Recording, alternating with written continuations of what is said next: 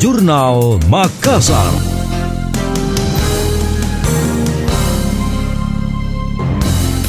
Saya Priscila Rini dalam Jurnal Makassar.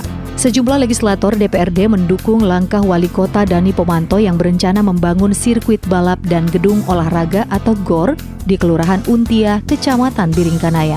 Ketua Komisi D DPRD Makassar Abdul Wahab Tahir mengatakan pada prinsipnya mendukung seiring menjadi kebutuhan mendesak. Politisi Golkar itu menganggap estimasi kebutuhan proyek hingga 100 miliar rupiah dianggap bukan menjadi masalah dan wajar. Terlebih kehadiran arena itu mampu menekan angka kecelakaan akibat balap liar yang kerap terjadi.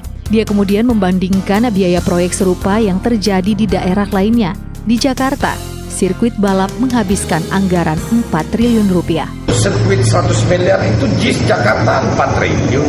Ini soal kebutuhan yang sifatnya mendesak untuk menyalurkan aspirasi dari anak-anak kita. Coba bayangkan kalau anak-anak kita menyalurkan aspirasinya dari mereka di jalan raya yang berpotensi mencelakakan orang atau mencelakakan diri sendiri. Kasihanlah generasi muda kita ini. Oleh karena itu kita dorong pemerintah untuk hadir di tengah-tengah untuk membantu menyalurkan aspirasi mereka.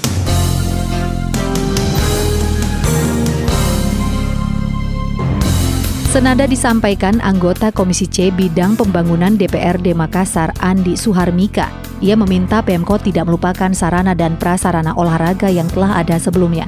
Sebelumnya, Wali Kota Makassar Dani Pomanto mengatakan pihaknya akan menyiapkan dana pembangunan sirkuit balap melalui anggaran pendapatan dan belanja daerah perubahan 2020. Ia menyebut proyek tersebut diprioritaskan dengan alasan di masa pandemi ini perlu ada wadah bagi pemuda untuk menyalurkan hobi atau bakatnya.